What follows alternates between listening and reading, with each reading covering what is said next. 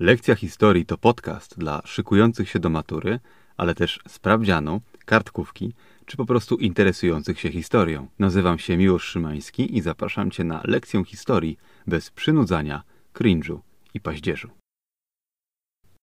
Wielka Wojna, część druga.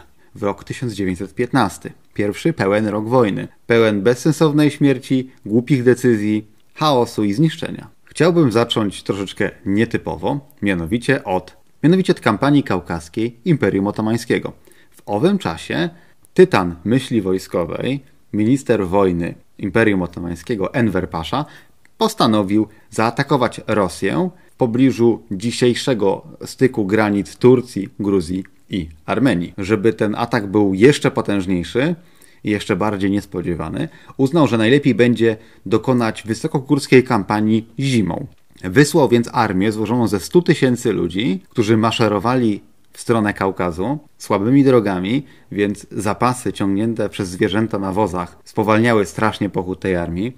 Ostatecznie dotarli oni wysokie góry, które musieli zdobyć po prostu wspinając się na nie. Doszli wreszcie do miejscowości Sarakamysz, która leżała już w Rosji. Bitwa o Sarakamysz była niezwykle ciężka, gdyż była to zima, góry były wysokie i straty były ogromne. Generalnie ze 100-tysięcznej armii Turkom zostało około 20 tysięcy ludzi, a połowa strat wynikała z zimna, głodu i chorób. Wojna z Rosją na froncie kaukaskim będzie kontynuowana. Ludzi zginie masa, a granica przesunie się nieznacznie.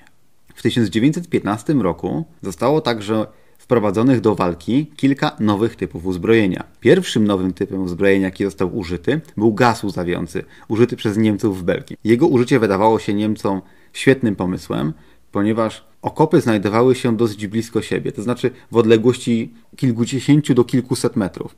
W związku z powyższym, jeśli wiał sprzyjający wiatr, a używano gazu, który jest cięższy od powietrza, a więc przesuwa się po ziemi, można było go wypuścić z jednego okopu i zaatakować sąsiedni okop bez ryzykowania śmierci swoich własnych żołnierzy. Początkowo więc używano gazu łzawiącego, który miał na celu obezwładnienie obrony przeciwnika, a potem można było spokojnie wbiec i strzelać do żołnierzy, którzy nie są w stanie skupić się na walce, ponieważ nic nie widzą. Taktyka ta okazała się na tyle skuteczna, że już w dwa miesiące później, to znaczy w kwietniu, pod miejscowością Ipr, Niemcy użyli po raz pierwszy gazu bojowego, konkretniej chloru. Chlor był niezwykle okrutną bronią. W owym czasie ani Anglicy, ani Francuzi nie mieli masek przeciwgazowych, ponieważ nie spodziewali się ataku taką bronią.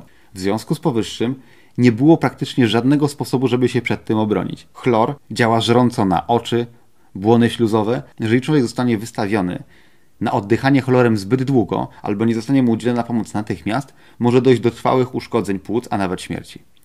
Była to niezwykle okrutna broń i od tej pory, od wiosny 1915 roku, będą ją już stosować obie strony, dodając gazy bojowe do, do, długiej listy okrutnych sposobów zadawania śmierci ludziom w sąsiednim okopie. Jednak nie myślcie, że lista ta jest zamknięta, gdyż w tym samym czasie Niemcy po raz pierwszy zastosują miotacze ognia.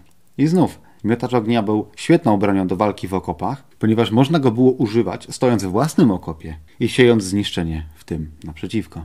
I chciałbym znów zaapelować do wszystkich fanboyów wojny i strzelania do przeciwnika – Wyobraźcie sobie, że stoicie w okopie, na przykład po kostki w błocie, w nocy podgryzają was szczury, mieszkacie w ziemiance i co jakiś czas spada na was ogień artyleryjski i w każdej chwili jest szansa, że do okopu wleje się chlor.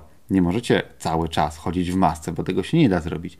Nikt normalny nie jest w stanie wytrzymać w masce całego dnia. W związku z powyższym maskę trzeba trzymać w pogotowiu, trzeba wiedzieć, gdzie ona jest. A oprócz tego, że w każdej chwili, kiedy wiatr wieje od strony przeciwnika, jest duża szansa, że, że zostaniesz zaatakowany chlorem, to jeszcze w każdej chwili możesz usłyszeć ten charakterystyczny syczący dźwięk palącej się ropy, która zwiastuje śmierć w męczarniach. Oczywiście można uciec przed atakiem miotaczem ognia. Można wybiec z tego okopu. Ale w momencie, kiedy tylko wychylisz się z okopu, to karabiny maszynowe przeciwnika już na ciebie czekają. Nic więc dziwnego, że kolejne bitwy i kolejne kampanie I wojny światowej nie robiły nic innego, jak tylko produkowały setki tysięcy poległych żołnierzy. Od początku wojny na froncie wschodnim sytuacja była dla Austrii dość trudna, ponieważ Rosja uderzyła na nią bardzo mocno i odepchnęła Austriaków aż do linii Karpat. W 15 roku Niemcy wysłali oddziały na pomoc Austriakom, Niemcy de facto przejęli kontrolę nad postępowaniami Austriaków. Dzięki temu sytuacja na froncie wschodnim dla Austrii zaczęła wyglądać trochę bardziej korzystnie.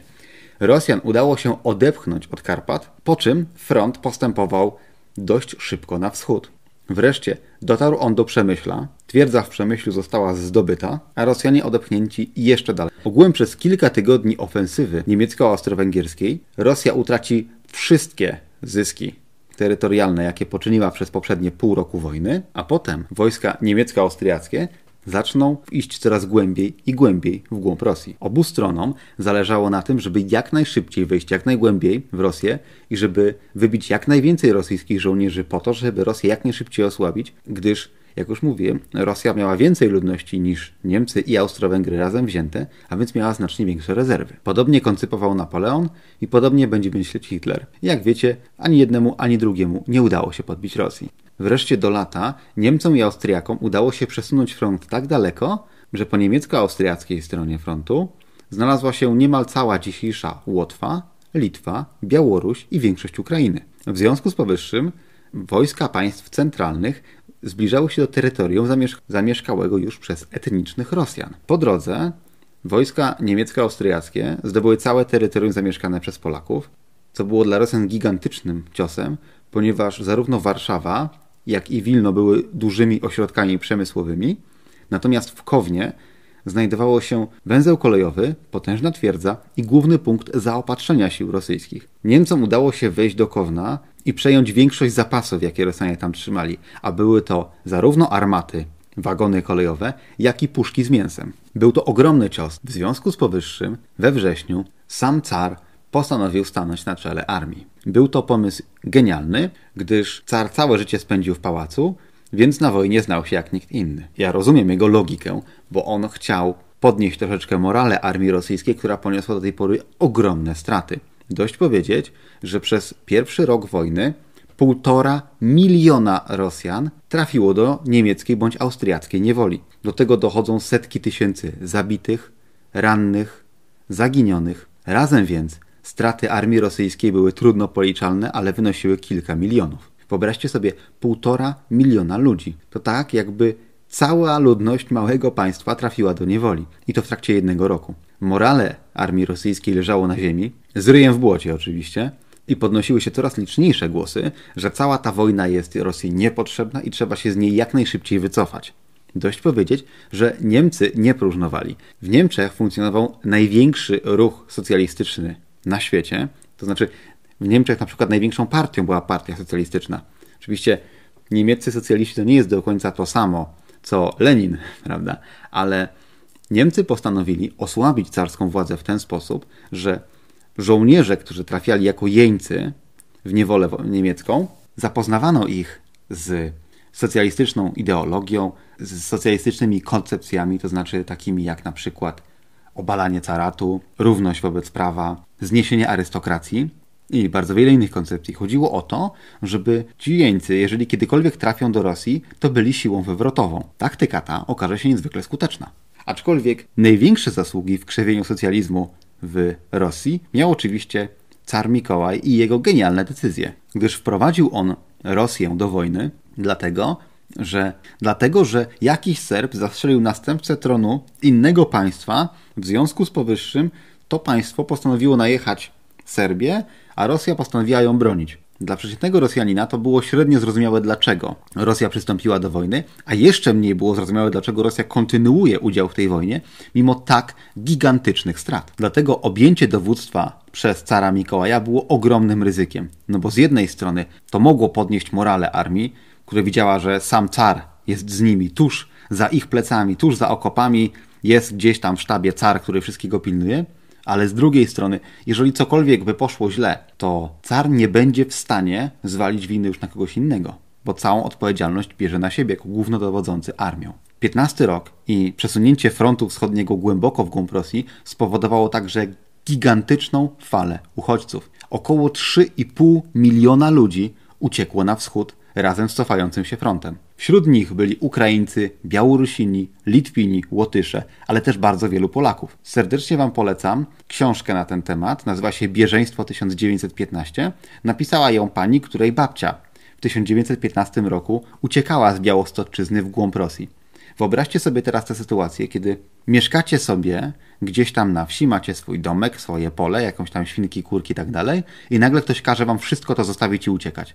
Znaczy, jeżeli jesteś rolnikiem, to nie zabierzesz swojego pola ze sobą. Zwierzęta niektóre może tak, ale większość trzeba będzie zarżnąć, żeby wróg ich nie otrzymał. I teraz wyobraźcie sobie, uciekacie stamtąd i w, jeżeli nawet uda się wam wrócić do swojego domu, to jesteście jedne żniwa w plecy, albo nawet dwa. Jeżeli nie zrobiliście żniw, to nie macie zachowku ani na zasiew, nie macie co jeść przez zimę, panuje głód, za głodem przychodzą choroby, a ludzie umierają tysiącami. I teraz, jeżeli całe psie dostały rozkaz, żeby uciekać na wschód, to znaczy, że całe wsie przestaną wkrótce istnieć. Rosjanie postanowili bowiem po raz kolejny zastosować dobrze im znaną i sprawdzoną taktykę spalonej ziemi. Ludność została przegnana na wschód, wsie zostały spalone, pola zostały spalone, zwierzyna zarżnięta albo przetransportowana również na wschód razem z cofającym się frontem, tak żeby Niemcy postępujący naprzód trafiali tylko i wyłącznie na spaloną ziemię i musieli gonić i gonić rosyjską armię coraz dalej i dalej w głąb Rosji, co powodowało wydłużenie linii zaopatrzeniowych, co też powodowało, że łatwiej było organizować partyzantkę za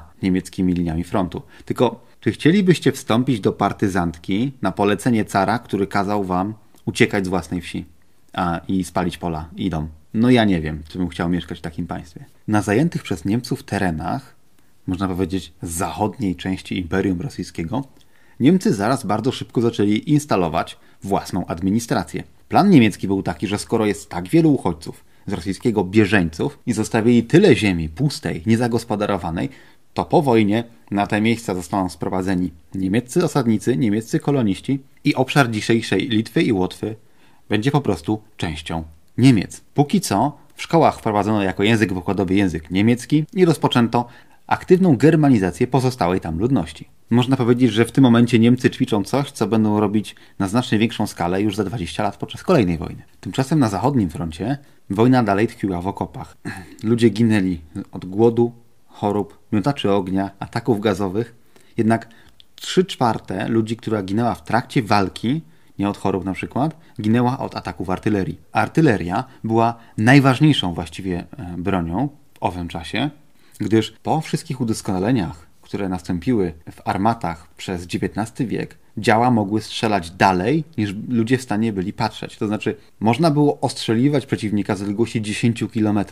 W związku z powyższym, ten, który miał lepszą, cięższą artylerię strzelającą dalej i większymi pociskami, mógł ostrzeliwać przeciwnika całkowicie bezkarnie. Więc ostrzał artyleryjski, przed którym nie dało się obronić, a trzeba było tkwić w okopie, powodował gigantyczne straty w ludziach. Mówiłem wczoraj, że pojawi się poezja i to jest ten moment. W maju 1915 roku John Mackenzie, który był kanadyjskim chirurgiem wojskowym, po kolejnym ataku chlorem, kiedy straty alianckie wskutek ataków chlorem sięgnęły już 100 tysięcy ludzi, patrzył na cierpienie tych ludzi, których nie był w stanie nawet leczyć, postanowił napisać wiersz, który opowiada o okropieństwach wojny, a który po wojnie stał się jednym z symboli alianckiego oporu i na jego cześć w Dzień Pamięci o Ofiarach Wojny 11 listopada w krajach anglosaskich, a także we Francji jest zwyczaj noszenia kwiata maku wpiętego w klapę marynarki na przykład. Wiersz ten zatytułowany jest In Flanders Fields i zaczyna się od słów In Flanders Fields the poppies grow between the crosses row on row. Czyli tłumacząc na polski, na polach Flandrii rosną kwiaty maku pomiędzy krzyżami szereg po szeregu. Tu dla porządku chciałem dodać, że miasto Ypres, w którym po raz pierwszy użyto gazów bojowych, leży właśnie w prowincji Flandria Zachodnia. Kontynuując wątek bezsensownych strat w ludziach, którzy ginęli w okrutny sposób, chciałbym dodać kolejne nazwisko do listy genialnych dowódców wojskowych, tytanów myśli i teoretyków wszystkiego, czyli brytyjskiego generała Sir Douglasa Haig'a. Sir Douglas Haig zasłynął myślą, że dwa karabiny maszynowe na batalion w zupełności wystarczą. Batalion to jest około tysiąca żołnierzy, tak dla porządku. E, a wspominam Douglasa Heiga, ponieważ, ponieważ jako dowódca musiał widzieć, jak Niemcy, którzy są wyposażeni w kilkanaście, a nawet kilkadziesiąt karabinów maszynowych na każdy batalion, są w stanie zabijać brytyjskich żołnierzy setkami. Bo jak tylko ktokolwiek wychylił opu, to zaraz można było go dosłownie przeciąć serią z karabinu maszynowego. A taktyka wojskowa Brytyjczyków w owym czasie była taka, żeby na sygnał stać z okopu, biec w stronę przeciwnika, paść na ziemię, ostrzelać się, stać i biec znowu.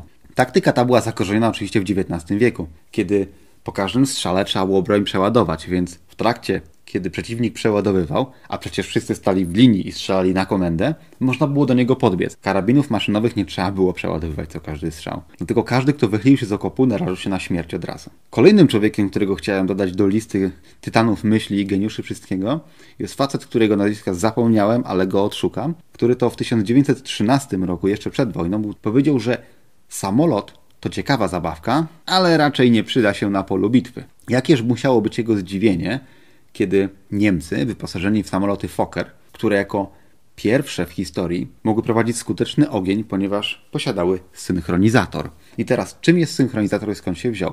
Otóż w owym czasie samoloty w większości, samoloty w większości posiadały jeden silnik umieszczony w kadłubie przed pilotem. To, czy miało jeden płat czy dwa, już jest mniej ważne. Ważnym jest to, że pilot, który chciał skutecznie pilotować i ostrzeliwać przeciwnika, musiał używać karabinu maszynowego, który był zamontowany przed nim.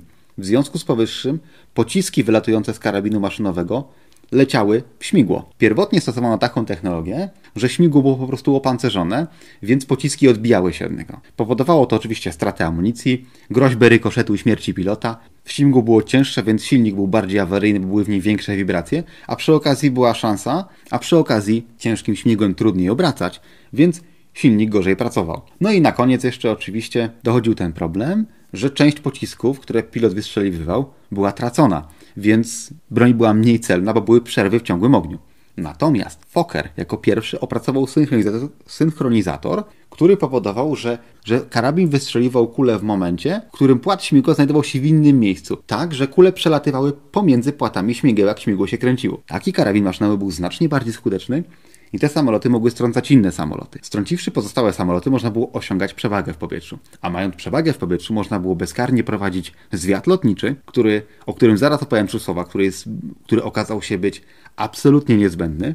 A potem jak zaczęto konstruować trochę większe samoloty, można było zrzucać na przeciwnika bomby, a także ostrzeliwać go z karabinów maszynowych znajdujących się na samolocie, w sposób, którego przeciwnik mógł się nie spodziewać, a przede wszystkim przeciwko któremu wtedy jeszcze nie było żadnej obrony. Niemcy dzięki samolotom Fokkera mieli przewagę w powietrzu, a mieli ją także dzięki sterowcom. Sterowce latały wyżej niż samoloty były w stanie się wznieść, więc mogły absolutnie bezkarnie prowadzić naloty i zwiat lotniczy. Niemcy wysyłali sterowce uzbrojone w bomby do bombardowania miast na wybrzeżu brytyjskim, a nawet samego Londynu. Tak, Niemcy zorganizowali kilka rajdów bombowych z sterowcami, które startowały z Belgii, leciały nad Londyn, zrzucały na niego bomby i wracały. Oczywiście sterowce te nie były w stanie zagrozić Londynowi w żaden sposób, ale chodziło o sianie terroru wśród ludności miasta, która nagle, która nagle miała wrażenie, że żyje jednak na granicy frontu. Że w każdej chwili, w każdym czasie na twój dom, gdzieś daleko, daleko od tej Europy, może spaść bomba. To powoduje ogromny strach wśród cywilnej ludności, która boi się wychodzić z domu, a musi wychodzić z domu, żeby pracować, żeby płacić podatki, które Brytyjczycy podobnie jak wszyscy notorycznie zwiększali, żeby pokryć wydatki wojenne, ale coraz większa grupa ludności nie chodziła do swojej normalnej pracy, tylko na przykład do fabryki amunicji, gdyż wszystkie armie zużywały kosmiczne ilości pocisków artyleryjskich. Potrzeby były tak ogromne, że latem 15 roku milion poborowych zmobilizowanych we Francji nie trafiło na front, a właśnie do fabryk amunicji kolejnych bitwach ginęły dziesiątki i setki tysięcy ludzi. Mimo tego Francuzi uznali, że lepiej jest wysłać tych świeżych poborowych nie na front, a właśnie do fabryki amunicji. Po drugie, wyobraźcie sobie to szczęście. Mogliście zginąć w okopie podczas kolejnego bombardowania albo ataku gazowego, a zamiast tego trafialiście do fabryki, gdzie przez 12 godzin dziennie robiliście amunicję do armat. No ja osobiście wolę robić amunicję. Niemniej jednak w tym momencie zaczyna się coś, co bez tego mogłoby się nie wydarzyć. A więc pojawia się myśl o równouprawnieniu kobiet, gdyż tak wielu mężczyzn trafiło na front, że zwyczajnie brakuje rąk do pracy. W związku z powyższym Do pracy idą kobiety, które do tej pory generalnie siedziały w domach. Dość powiedzieć, że przecież kilka lat wcześniej, kiedy Maria Skłodowska-Curie dostała Nagrodę Nobla, to to było w ogóle niewyobrażalne, że kobieta jest naukowcem, bo kobiety przecież miały siedzieć w domach i zajmować się dziećmi. Aż tu nagle okazuje się, że kobiety też są potrzebne, że też są ludźmi. Jak zrzucicie sobie okiem na mapę krajów z podziałem na to, w którym roku kobiety otrzymały prawa wyborcze, to największa fala praw wyborczych dla kobiet nastąpiła właśnie po I wojnie światowej. O tym jeszcze będę mówić, ale okazało się po prostu, że kobiety są równie dobre jak mężczyźni i nie można ich traktować gorzej. Jak już wspomniałem o gigantycznej mobilizacji ludności, to chciałem rzucić paroma ciekawymi liczbami. Na przykład Rosja zmobilizowała 12 milionów mężczyzn do armii, a miała 170 milionów ludności, a więc zmobilizowała 7% ludności kraju. Albo jak to woli, 14% wszystkich mężczyzn, a więc co siódmego. Niemcy natomiast zmobilizowali 13 milionów ludzi. Ludności mieli tylko 67 milionów, w związku z powyższym zmobilizowali 20% swojej ludności. Ale jeśli weźmiemy pod uwagę, że kobiety w armii nie służyły, Niemcy zmobilizowali 40% wszystkich mężczyzn. Wszystkich mężczyzn liczonych jako od noworodka do starca. To znaczy, że odejmując dzieci i starców, można śmiało powiedzieć, że większość mężczyzn Niemców poszła walczyć w trakcie I wojny światowej. A teraz zwróćcie uwagę na Bułgarię, która mając 5 milionów ludności zmobilizowała 1,2 miliona żołnierzy. To znaczy połowa mężczyzn, Bułgarów poszła walczyć. I znowu, odejmując dzieci i starców, to 70% mężczyzn była w armii, coś koło tego. 70%, wyobrażacie to sobie? Podobne liczby mobilizacji osiągnęła także, osiągnęły także Austro-Węgry i Imperium Otomańskie, gdyż oba zmobilizowały po 16-15% ludności. Podobnie Włochy. Francja zmobilizowała około 10%, ale biorąc pod uwagę, że z kolonii zmobilizowała mniej niż z samej Francji, także Francja też zmobilizowała kilkanaście procent ludności, a więc znowu 30% wszystkich mężczyzn, odejmując dzieci i starców, to połowę mniej więcej zdolnych do walki. To są liczby zatrważające. Dla porównania powiem, że dziś w 38-milionowej Polsce w armii służy 80 tysięcy ludzi.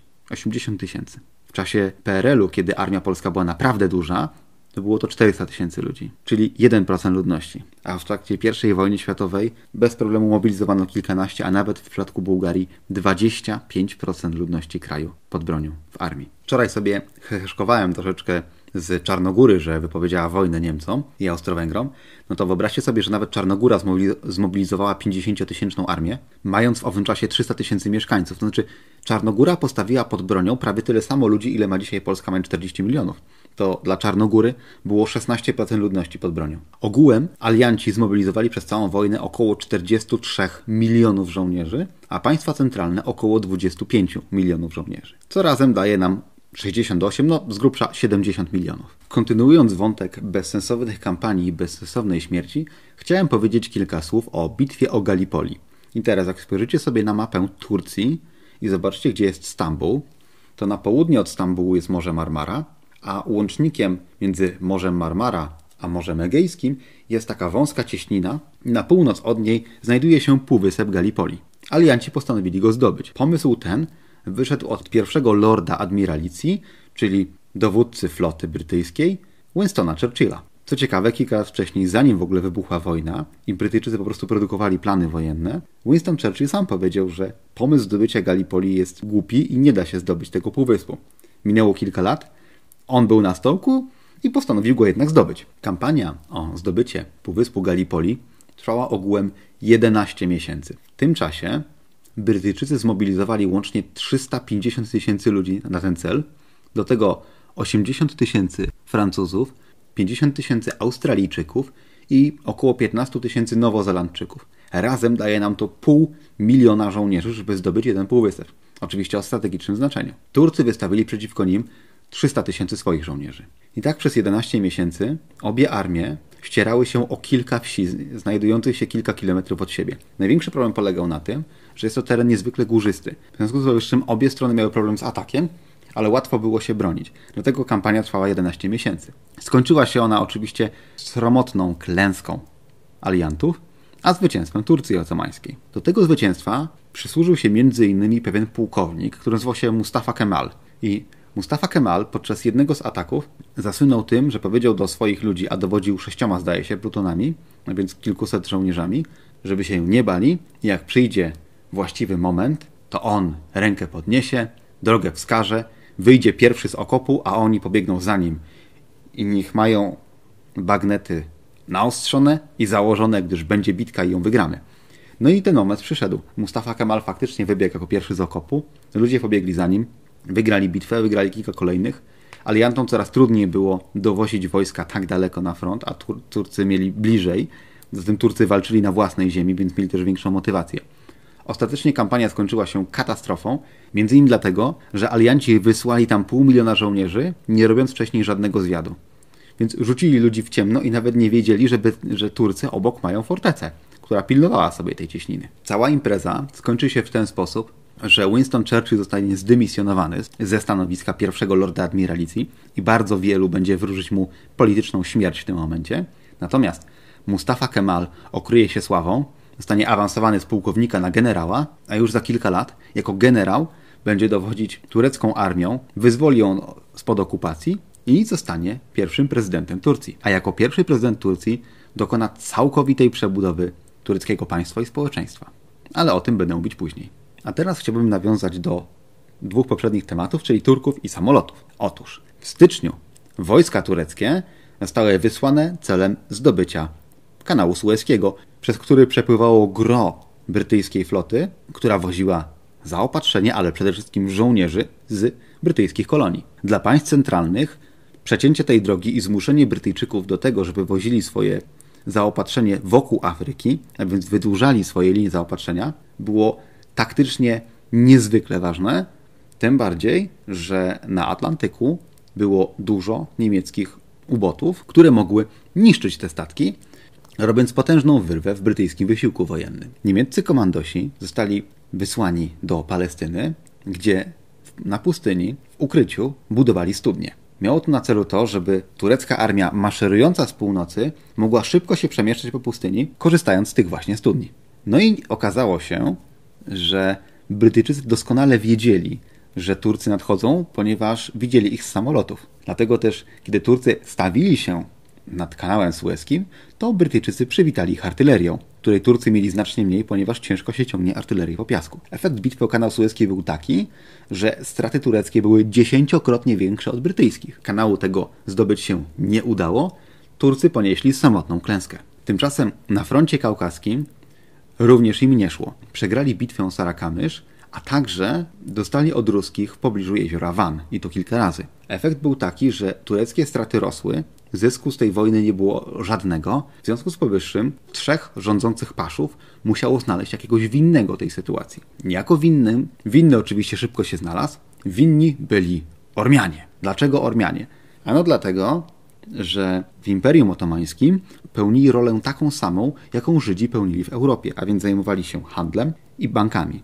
Powodowało to, że bardzo wielu Turków było niechętnym, ponieważ kojarzyło Ormianina z pazernym wyrwigroszem, lichwiarzem, któremu on musi oddawać pieniądze. Poza tym bardzo wielu Ormian żyło w Rosji, a więc bardzo wielu Ormian służyło także w rosyjskiej armii. Szczególnie nadreprezentowani byli w tych oddziałach, które stacjonowały na Kaukazie, ponieważ mieli blisko do Armenii i byli przyzwyczajeni do warunków wysokogórskich. W związku z powyższym trzej paszowie mówili tak. Zobaczcie. Ormianie z was wysysają pieniądze. Ormianie są zdrajcami, bo na pewno wszyscy Ormianie żyjący w Turcji kolaborują z Rosją. Mnóstwo Ormian służy w rosyjskiej armii. Więc zobaczcie, oni służą w obu armiach. Jaki jest tego wniosek? Na pewno są zdrajcami. W związku z powyższym ormiańskich żołnierzy przeniesiono do wojsk inżynieryjnych, gdzie zajmowali się pracą na zapleczu, budowaniem mostów i kopaniem okopów. Potem jednak rozpoczęło się systematyczne prześladowanie ludności ormiańskiej w Turcji. Wreszcie zapadła decyzja, żeby wszystkich Ormian przegnać.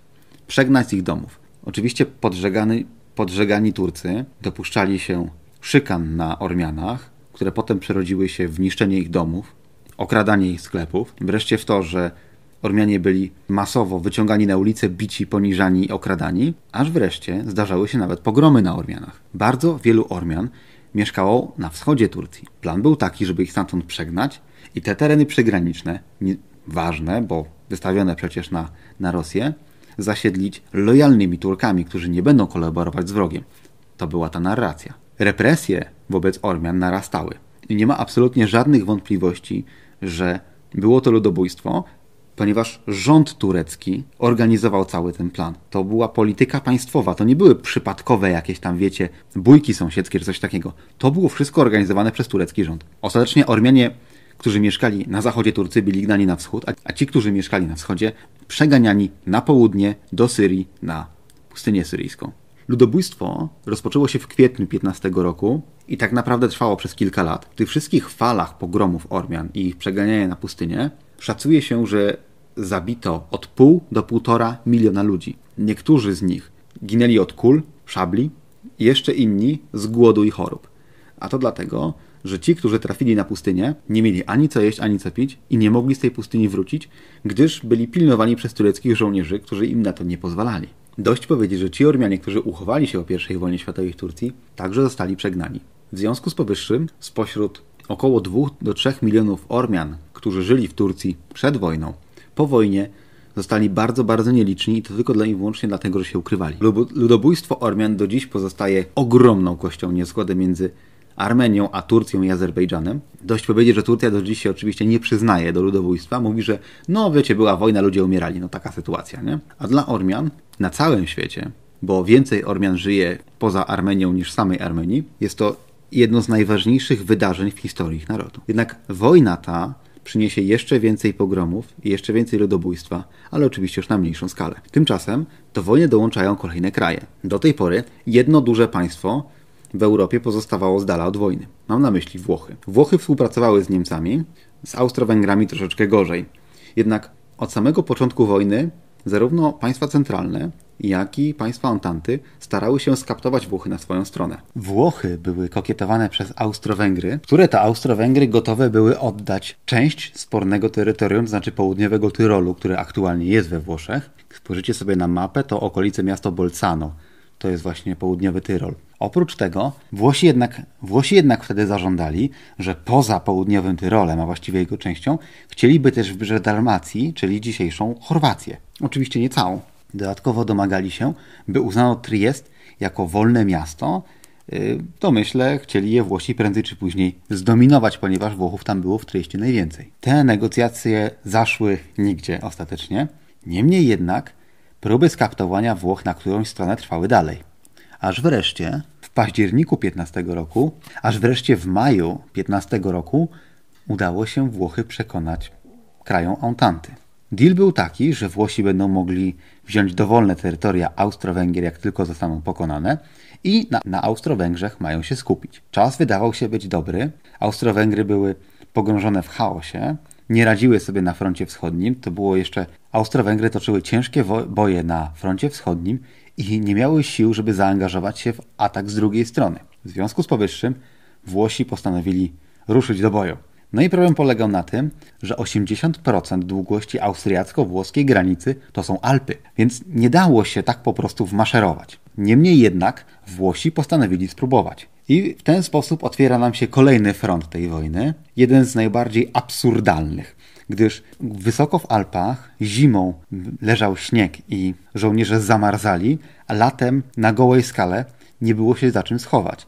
Nie, nie dało się wykopać okopów wysoko w górach. Jedyne co można było zrobić, to schować się za jakąś skałą. No i teraz Bayer polega na tym, że jak, się, że jak pocisk trafiał w skałę, to odłupywały się od niej małe kamyczki, które działy jak szrapnele i raniły żołnierzy w okolicy. W końcu Włosi i Austriacy doszli do momentu, w którym kopali tunele pod swoimi pozycjami, a nawet kopali tunele pod tunelami pod swoimi pozycjami. Idea była taka, żeby wykopać tunel bezpośrednio pod pozycjami przeciwnika, zaminować go, wyjść, zdetonować bombę, która spowoduje zawalenie się pozycji przeciwnika. Znaczy, postarajcie się teraz wziąć głęboki oddech i pomyśleć o tym chwilę. Jesteś na przykład austriackim żołnierzem, masz jakieś umocnione miejsce, worki z piaskiem, takie rzeczy, wtachane wielkim kosztem na tę właśnie górę, siedzisz sobie z karabinem maszynowym i ktoś pod tobą kopie tunel. Ja myślę, że to się da usłyszeć. A potem twój dowódca każe ci wykopać tunel pod tym tunelem. No do takich absurdów dochodziło podczas I wojny światowej. Razem z dołączeniem Włoch do wojny pojawia nam się kolejny tytan myśli i geniuszu taktycznego, czyli Luigi Cadorna. Luigi Cadorna twierdził, że żołnierz na froncie nie ma czasu na nic, w związku z powyższym nie trzeba mu zapewniać ani czasu wolnego, ani pozwalać mu wyjść do miasta, żeby się napił piwa, ani robić niczego, co spowodowałoby, że jego moral jakkolwiek wzrośnie. Bardzo nie chciałbym być jednym z pięciu i pół miliona włoskich żołnierzy, którzy nawet nie mogli podczas przepustki wyjść do miasta. Mimo, że włoska armia nie słynęła z przesadnej skuteczności, to jednak wiązała coraz większe siły austriackie w walce, które to siły nie mogły trafić na front wschodni, a nie mówiąc już o tym, że kilkaset tysięcy żołnierzy w 15 roku dokonywało inwazji Serbii. Dołączenie się więc Włoch do wojny było dużym wsparciem dla aliantów. Kilka miesięcy później do wojny dołączyła Bułgaria. Dołączenie się Bułgarii do wojny było niezwykle ważne dla państw centralnych, ponieważ po zajęciu Serbii przez Austro-Węgry i przyłączeniu się Bułgarii do wojny, państwa centralne uzyskiwały bezpośrednie połączenie kolejowe z Berlina do Stambułu. A dzięki temu można było transportować wojsko, zaopatrzenie i wspierać się nawzajem dużo skuteczniej niż nie mając takiego połączenia lądowego i musieć wszystko wysyłać na statkach, co było bardzo niebezpieczne gdyż Brytyjczycy mieli najpotężniejszą flotę świata. Bułgaria przyłączyła się do państw centralnych z założeniem takim, że będzie ona walczyć przeciwko Serbii, czym odciąży wojska austriackie, które będzie można wysłać na wojnę z Rosją, ponieważ Bułgaria z Rosją bezpośrednio walczyć nie chciała, a w nagrodę Bułgaria otrzyma Macedonię, gdyż w owym czasie Macedonia należała do Serbii. No i przy okazji Bułgaria miała 5 milionów mieszkańców, a zmobilizowała, jak już mówiłem, milion dwieście tysięcy żołnierzy. Była to duża siła i niesamowicie wielki odsetek ludności zmobilizowanej do walki w tej debilnej wojnie, w której Bułgaria niczego nie zyskała, a wręcz straciła kawałki Tracji na rzecz Grecji. Grecja natomiast dołączy do wojny, chcąc nie chcąc, dopiero w 1916 roku. Więc na koniec 1915 roku sytuacja na froncie była taka. Front zachodni przez cały rok nie przesunął się praktycznie wcale.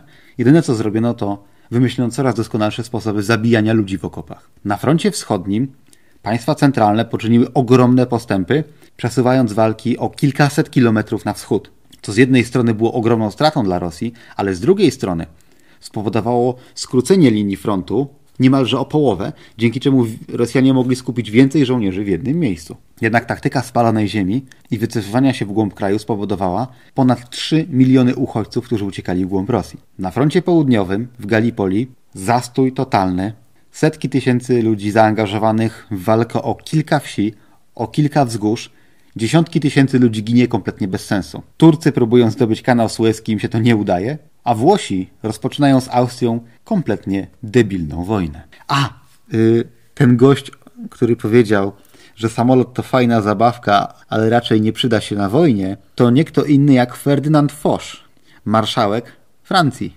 który zostanie także marszałkiem Polski w 1924 roku, co będzie raczej takim honorowym tytułem dla niego. To w dziedzinie wróżb, które się nie sprawdziły, no to ta jest tak blisko szczytu, jeżeli chodzi o wojskowość. Tymczasem 1916 roku czekają nas dwie ogromne i bezsensowne oczywiście bitwy. Jedna to gigantyczna bitwa pod Verdun, a druga to jeszcze większa i jeszcze bardziej bezsensowna bitwa nad Sommą. Obie chciałbym omówić w jutrzejszym odcinku. To tyle na teraz. Cześć. Jeśli interesuje Cię historia poza materiałem szkolnym, to sprawdź moją drugą audycję za rubieżą. Jeśli podoba Ci się to, co robię, to możesz rozważyć wsparcie mnie na patronite.pl Milosz Tworzę i mieszkam w kamperze. Jeśli interesuje Cię vanlife, to sprawdź kanał Wawrzyńcem na YouTube.